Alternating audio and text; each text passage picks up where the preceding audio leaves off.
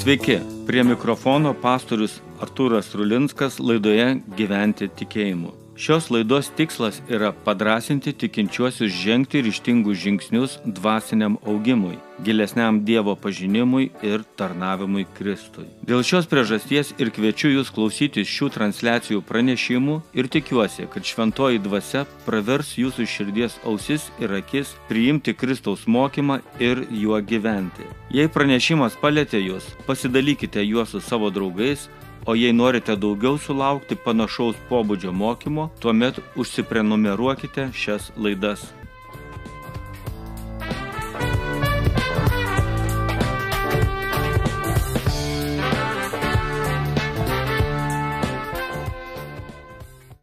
Šios dienos tema - kodėl man yra reikalingas supratimas apie savo prigimtį. Visi mes be ne visą gyvenimą grūmėmės su dviejomis prigimtimis Kaip turime po dvi akis, dvi ausis, dvi rankas ir dvi kojas, du smegenų pusrutulius ir daugelį kitų organų savo kūne, taip turime ir dvi prigimtis - kūniškąją ir dvasinę. Jeigu mūsų sudvigubintos kūno dalys atlieka papildomą arba atsarginę funkciją, tai su dviejomis prigimtimis yra visiškai kitaip, nes jos tarpusavyje yra tapusios priešiškos, o turėtų būti suvienytos. Visada viena iš jų dominuoja labiau. Natūraliai, kad nuo gimimo mumise dominuoja mūsų kūniškoji prigimtis ir iš šios prigimties impulsų mes labiau elgiamės taip, kaip atrodo teisinga pagal mūsų kūniškumą. Dvasinė prigimtis, kuri paprastai kūniškosios yra užgošta, tik tais dėka Kristaus yra išlaisvinama, tačiau net ir tuomet kūniškoji prigimtis visuomet nori sugrįžti ir atsistoti į tą vietą, kurioje anksčiau jautėsi patogiai. Apaštalas Paulius laiške romiečiams kalba apie tai, kaip patiria šią dviejų prigimčių kovą ir supriešinimą pats savyje. Jis sako, mes žinome, kad įstatymas yra dvasiškas, o aš esu kūniškas, parduotas nuodėmės valdžion. Aš net neišmanau, ką daras, nes darau ne tai, ko noriu, bet tai, ko nekenčiu. Romiečiams 7 skyrius 14-15 eilutės. Paulius, kuris yra Kristaus apaštalas ir jam tarnauja, romiečiams rašo, kaip kovoja su savo kuniškąją prigimtimi ir kaip jam nėra lengva. Aš šią prigimčių kovą taip pat labai dažnai jaučiu, ypač kai nusprendžiu daryti kažką, kas artina mano ryšį su Dievu ar augina mane dvasiškai. Būtent tokiomis akimirkomis kūnas pradeda kalbėti - duok peno ir man, rūpinkis manimi to jau pat, Dalykas yra toks, kad dažnai aš nusileidžiu kūno troškimams, nors širdyje noriu paklusti dvasinio augimo sprendimui. Visi mes esame tokie patys savo prigimtyje. Ir tai, ką Paulius rašė, rašė dėl mūsų, kad atsiduotume į Kristaus malonę. Ir ne tiek savo valios pastangomis, kiek šventosios dvasios buvimu ir jos gale įveiktume ir turėtume pergalę šioje prigimtinėje kovoje, rasdami vienybę dvasioje ir kūne. Kūnas yra marus, o dvasiam žino ir todėl gyvendami kūne mes jau ruošiamės gyvenimui amžinybėje. Dėl šios priežasties šiandien ir noriu kalbėti temą, kodėl man yra reikalingas supratimas apie savo prigimtį. Šiuo metu mes savo šalyje išgyvename stiprų susipriešinimą visuomenėje tarp dviejų nuomonių - šeimos sudėties klausimų. Ar laikytis konservatyvaus įsitikinimo ir ginti tradicinę šeimą, ar įvertinus tai, kad mūsų tarpe yra homoseksualių žmonių, pakeisti šeimos sampratą praplečiant ją siūloma LGTB plus modeliu. Supratimas man apie savo prigimtį yra reikalingas dėl kelių priežasčių. Pirmoji - tai manyje veikia įgimtoji kūniškoji prigimtis ir, kaip raštas teigia, per ją aš gyvenu Dievo rūstybėje. Antra - tai kad man reikia patirti išsilaisvinimą iš kūniškosios prigimties ir tai yra įmanoma, nes esu dieviškosios prigimties dalininkas. Taigi kalbėsiu apie įgimtąją prigimtį, kuri užtraukia mums rūstybę. Ir jūs buvote mirę savo nusikaltimais ir nuodėmėmis, kuriuose kadaise gyvenote, laikydamėsi šio pasaulio papročių, paklusdami kunigaikščiui, viešpataujančiam ore, dvasiai veikiančiai neklusnumą vaikuose. Tarp jų kadaise ir mes visi gyvename, sekdami savo kūno geismais, vykdydami kūno ir minčių troškimus. Ir iš prigimties buvome rūstybės vaikai kaip ir kiti. Laiškas Efeziečiams antras skyrius pirmus trys eilutės. Kartais mums gali atrodyti, kad Jėzaus mokiniai pasiekė Jėzumi, nes jie pamatė naujų galimybių ir susižavėję juo nusprendė nepraleisti tokios progos. Iš dalies tai atrodo ir apaštalo Petro pašaukimas, kuomet Jėzus jį paragino dar kartą išplaukti į žvejybą ir išmesti tinklus. Luko aprašytame pasakojime Petras seka Jėzų ne dėl galimybių, tačiau dėl to, kad atsiveria duris pakeisti įgimtinę nuodėmingą prigimtį. Petras Jėzui sako, pasitrauk nuo manęs viešpatė, nes aš nusidėjėlis. Nusidėjėlis nėra blogas žmogus, nusidėjėlis yra brokuotas žmogus. Gera naujiena yra ta, kad tai, kas brokuota, gali būti pataisyta. Paulius rašydamas Efeziečiams kalba apie tą visus mus vienijančią įgimtąją prigimtį ir kaip per tą prigimtį esame užsitraukę savo lemčiai rūstybę. Paulius jau kitoks negu žvėjys Petras. Kitokio luomo, kitokio išsilavinimo, kitokio socialinio sluoksnio žmogus. Paulius fariziejus, baigęs teologinės studijas žymiausioje tame laikmetyje Gamalėlio mokykloje uolus žydo tikėjimo apologetas. Kristus Paulio pasiemė ne iš žvejybos laivo, parodant, kaip jis gali sutraukti į tinklus neplaukiančias žuvis, bet nukritusi nuo arklio ir regėjusi Kristaus šlovę, girdėjusi jo balsą. Pauliaus patirtis kitokia, tačiau išvados tos pačios. Aš esu nusidėjėlis ir man reikia dvasios atnaujinimo. Apaštalų darbų devintas skyrius tai jis skelbė keliaudamas po visą jam atvirą tuometinį pasaulį. Visų mūsų įgimtoji prigimtis yra ta pati kaip šių tikėjimo vyrų ir kaip šių efeziečių, apie kuriuos Paulius rašo mirė savo nusikaltimais ir nuodėmėmis, besilaikantis pasaulio papročių paklusnus kunigaikščiui viešpataujančiam ore dvasiai veikiančiai neklusnumo vaikose. Laiške romiečiams Paulius aiškina, kaip iš šios savo įgimtosios prigimties papuolame giliai į rūstybės vertpetą ir kaip pasimetame netgi tame, kas mes esame ir ką mes turime daryti. Ir elgiamės visiškai priešingai tai prigimčiai, kokiai buvome sukurti. Laiške romiečiams pirmame skyriuje 24-7 eilutėse skaitome, todėl Dievas per jų širdžių geismus atidavė juos tokiam netirumui, kad jie patys teršė savo kūnus. Jų moteris prigimtinius santykius pakeitė priešingais prigimčiai. Panašiai ir vyrai pametė prigimtinius santykius su moterimis, užsidegė geiduliais vienas kitam. Įgimtoji kuniškoji prigimtis visiems mums yra tapusi bėda, našta, nes ji veikia prieš mus. Tam, kad ją suvaržytume ir neleistume jai mūsų sunaikinti, mes turime įdėti daug pastangų - asmeninės valios pastangas, bendruomeninių normų požiūrius. Paulius romiečiams kalbėdamas nuo širdžių geismų ir troškimų pamini jau kraštutinius atvejus kada žmonės praradę tą ribinį supratimą, kas jie yra, kuriems nepasikeitus lauks apgailėtinos pasiekmes.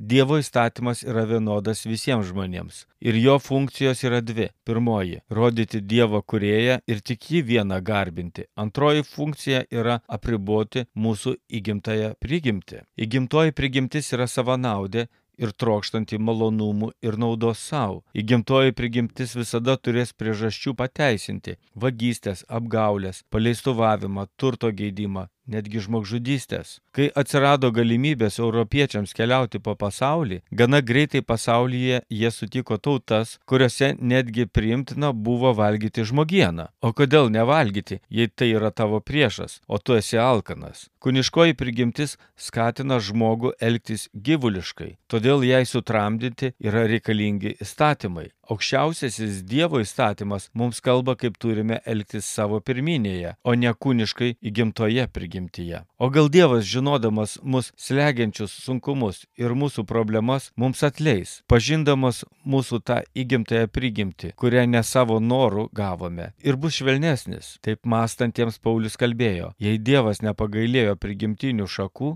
jis ne tavęs nepagailės. Romiečiams 11, 20 pirmą eilutę. Dievas pirmiausia atperka iš nuodėmės ir tik tuomet atleidžia. Nėra kito būdo, tik priimti Dievo nustatytus įstatymus ir gyventi atsižvelgiant į juos. Tačiau ir to nėra gana. Nes Pauliui fariziejui, uoliam apologetui ir savo tautos tarnui apsireiškė Kristus ir suteikė šventąją dvasę, kad jos galioje jis gyventų naujai, įveikdamas įgimtąją prigimti ne kultūrai primtinais nuostatais, ne Dievo nustatytais įstatymais, ne iš baimės būti nubaustam, bet tapus laisvam nuo nuodėmės įtakos per tikėjimą Kristumi. Antras teiginys, kurį noriu žiūrėti, tai yra dieviškoji prigimtis patraukia mane nuo sugėdimo. Skaitysiu apaštalo Petro antro laiško pirmas skyrius trečią ketvirtą eilutes. Jo dieviška galybė padovanojo mums visą, kas praverčia gyvenimui ir maldingumui pažinimo to, kuris pašaukė mus savo šlove ir jėga. Jis mums padovanojo ir brangius bei didžius pažadus, kad per juos taptume dieviškosios prigimties dalininkais, pabėgę nuo sugėdimo, kurį skleidžia pasaulyje gėduliai. Daugelis dabartinių visuomeninių problemų, su kuriomis susidurėme, kyla iš nežinios, kad esame dieviškosios prigimties dalininkai. 20-ojo amžiaus švietimo ir mokymo sistema buvo pakrypusi keičiasi ir vis tebėra toje pačioje pozicijoje, kuomet kaip status quo yra mokoma evoliucinės teorijos pasaulyje žiūra. Nors krikščionybė ir daugelis kitų pasaulio religijų su tuo nesutinka, ta darvinistiška pasaulyje žiūra stipriai įsitvirtino žmonių sąmonėje ir atrodo, kol kas šių pozicijų greitai užleisti nesiuošia. Kas yra žmogus iš esmės yra neatsakytas klausimas. O jei ir yra laikomasi to klasikinio požiūrio, kad žmogus yra tik materialus subjektas, faktas, tuomet tai yra beviltiškas ir į nevilti vedantis atsakymas. Biblija teigia visai ką kitą. Esame dieviškosios prigimties dalininkai. Čia reikia patikslinti, ne dievai esame, tik tos prigimties dalininkai. Dievo malonės dovana mums suteikia progą atgauti dieviškąją prigimtį ir turėti kitokią perspektyvą apie tai, kas esame, kodėl mes esame kartu, ką mes galime daryti. Biblijos raginimai tiems, kurie per Kristų atgauna dieviškąją prigimtį, yra pakeitus požiūrį darbuotis amžiniems dalykams ir atsiduoti meilės darbams, kurie žmonėms rodo, kad juos Dievas myli. Kūnas, gyvenantis pagal įgimtąją prigimtį, nesustojamai genda. Tačiau mums duotas laikas ir visos galimybės pataisyti savo situaciją, priimant ir susitapatinant su Jėzumi. Ir esame raginami padėti kitiems žmonėms atrasti dieviškąją prigimtį Kristuje. Kristaus raginimas mums yra labai aiškus. Kraukitės lobį danguje, kur nei kandis, nei rūdis neėda, kur vagis neįsilaužia ir nevagia, nes kur tavo lobis, ten ir tavo širdis. Evangelija pagal Mato 6 skyrius 20 eilutė. Dabartiniais laikais labai populiarus žodis tapo investuoti. Ypač šiuo metu, kaip matome, vėl kyla statybinių prekių kainos, kaip daug mūsų šalyje stato namų, perka sklypus, nes tie, kas turi pinigų, nori investuodami juos išsaugoti. Kai kurie netgi sako, investavau į dantis, investavau į mašiną, investavau į mokslus, investavau į namo remontą štai čia darosi truputį jokinga, nes investuoti į šios dalykus niekaip neišeina, nes dantis vis vien suges, mašina surudys, po kurio laiko namo sienos išbluks ir ištrupės, o žemė niekada nebuvo mūsų nusavybė. Tikrasias investicijas mums siūlo Kristus. Ir čia kiekvienas asmeniškai tarnaudami, gyvendami, darydami gerą kitam, jas ir kaupiame. Bažnyčiai Galatuose Paulius rašė, nepailsdami darykime gerą, jei neaptinksime, savo metu pjausime derlių. Tad kol turime laiko, darykime gerą visiems, o ypač tikėjimo namiškiams. Galatiečiams 6 skyrius 90 eilutės. Bažnyčia yra ta bendruomenė, kurioje kartu mes galime investuoti tai, ką esame gavę iš Dievo malonės. Mus vienyje tai, kad esame šios atnaujintos dieviškosios prigimties dalininkai, todėl Dievo dalykai mums rūpi. Dažnai yra tai, kad mes nežinome, ką galime padaryti, nes manome, kad neturime reikiamų resursų. Pauliaus žodžiai galatiečiams yra - nepailskime, neaptinkime, darykime gerą. Būdami dieviškosios prigimties dalininkai, mes galime mąstyti apie tai, ką mums reiškia mūsų visuomenėje, mūsų socialinio lygio statuse, mūsų galimybėse daryti gerą kartu. Kažkiek to gero kiekvienas darome asmeniškai savaitės eigoje bendraudami su žmonėmis, su kuriais vienaip ar kitaip susidurėme. Tuo pačiu kažkiek gero mes privalome daryti kartu kaip ir bendruomenė, bažnyčia. Ir čia kalba eina ne apie pinigus, o apie mūsų darbus padarytus laikė. Nes žodžiai nepailskime, neaptinkime, darykime gerą, kalba būtent apie tai. Mes tobulėti galime tik tais darbuodamėsi ir lavindami savo prigimti. Materialūs dėsniai yra tokie. Jei daiktas stovi nenaudojimas, jis taip pat sensta. Ir dar netgi greičiau nei naudojamas daiktas. Automobilis, kurį kažkas pastatė ir nevažiuoja, genda greičiau negu tas, kuriuo kasdien yra važinėjama. Dvasiškai yra tas pats. Jei apsisprendėme netarnauti, patingėti, palsėti ir gyventi darant gerą tik savo ir savo naudai, tuomet mes pradedame patirti ir dvasinį regresą. Mums nustoja veikti Dievo pažadai, nes sugėdimas mus pasiveja, o apaštalas mus ragina nuo jo bėgant daryti gerus darbus.